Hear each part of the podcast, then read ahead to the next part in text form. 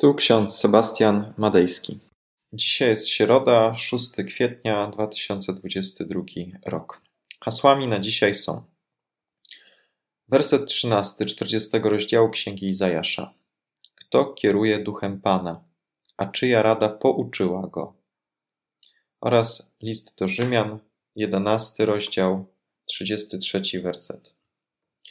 O głębokości bogactwa i mądrości i poznania Boga. Jakże niezbadane są wyroki Jego i niewyśledzone drogi Jego. Drodzy, rozdział 40 Księgi Izajasza bardzo koresponduje z Księgą Hioba. Szczególnie z 38 rozdziałem Księgi Hioba, gdzie Bóg odpowiada Hiobowi, również zadając mu pewne pytania księdze Izajasza w 40 rozdziale Bóg zadaje pytania: Kto zmierzył wody morskie swą garścią?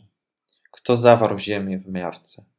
Kto zważył góry na wadze i pagórki na szalach? Kto kieruje duchem Pana, a czyja rada pouczyła go? W księdze Hioba Bóg zadaje inne pytania, ale bardzo podobne. Czy znasz granice ziemi? Czy dotarłeś do źródeł morza? Czy doszedłeś do dna otchłani? Czy widziałeś drzwi do ciemności? Powiedz, czy znasz to wszystko. Bóg zadaje nieustannie człowiekowi pytania. I te pytania budzą w człowieku zdziwienie. Gerhard Zauter, pewien teolog, stwierdził, że źródłem wszelkiej teologii jest przede wszystkim podziw. Podziw w stosunku do tego, czego człowiek doświadcza od Boga. I widzimy ten podziw w liście do Rzymian, w księdze Hioba, w księdze Izajasza, w psalmach.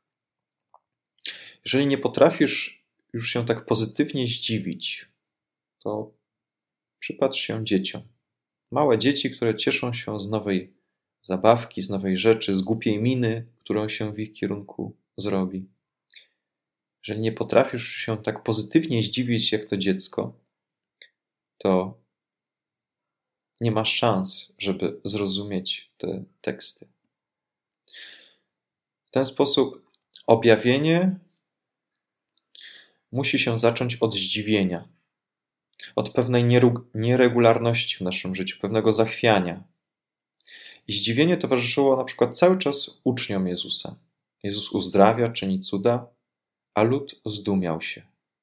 Zdumienie jest początkiem, ale nigdy nie celem ostatecznym ponieważ po zdumieniu musi nastąpić ludzka odpowiedź, a tą odpowiedzią jest oczywiście wiara, zaufanie Chrystusowi.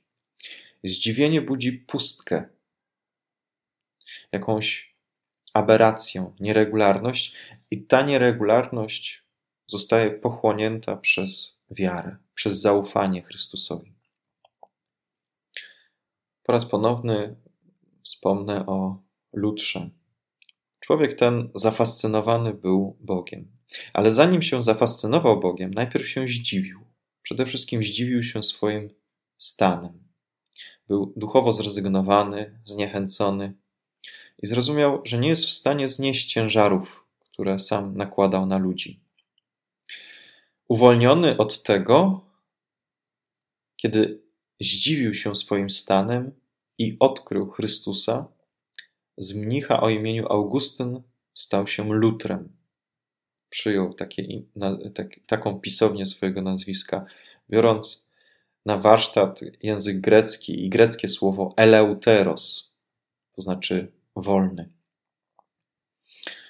Również i my, jeżeli nie zdziwimy się tym, co się dzieje na tym świecie, jeżeli to zdziwienie wywoła w nas pustkę, to nie powinniśmy zaf zafiksowywać się na tym zdziwieniu.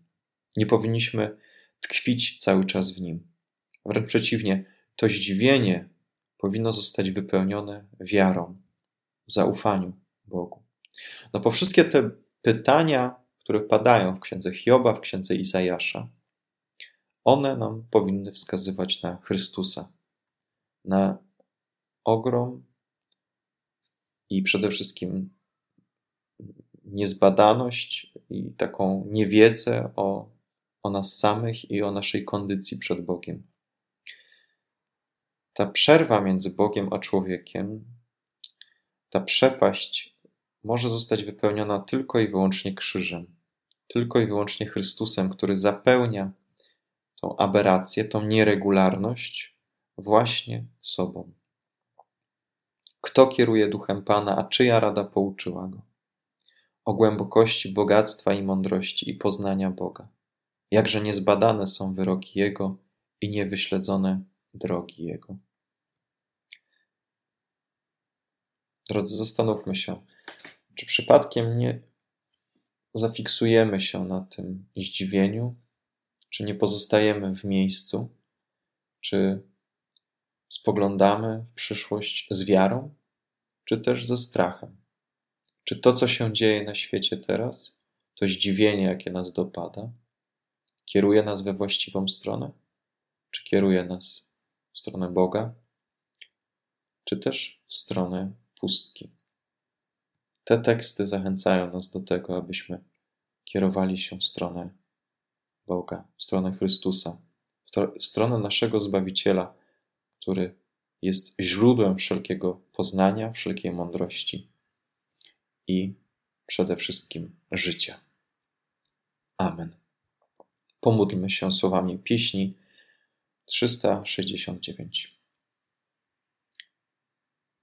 Panie Boże Wielki, pełny jesteś chwały. Wielbimy Twą potęgę, Panie. Tyś stworzeniom życie dał. Podziwiamy Twe działanie. Jakiś od wieczności był, tak na wieki będziesz żył. Amen. A pokój Boży, który przewyższa wszelki rozum, niechaj strzeże serc naszych i myśli naszych w Panu naszym Jezusie Chrystusie ku żywotowi wiecznemu. Amen. Więcej materiałów na www.trojca.waw.pl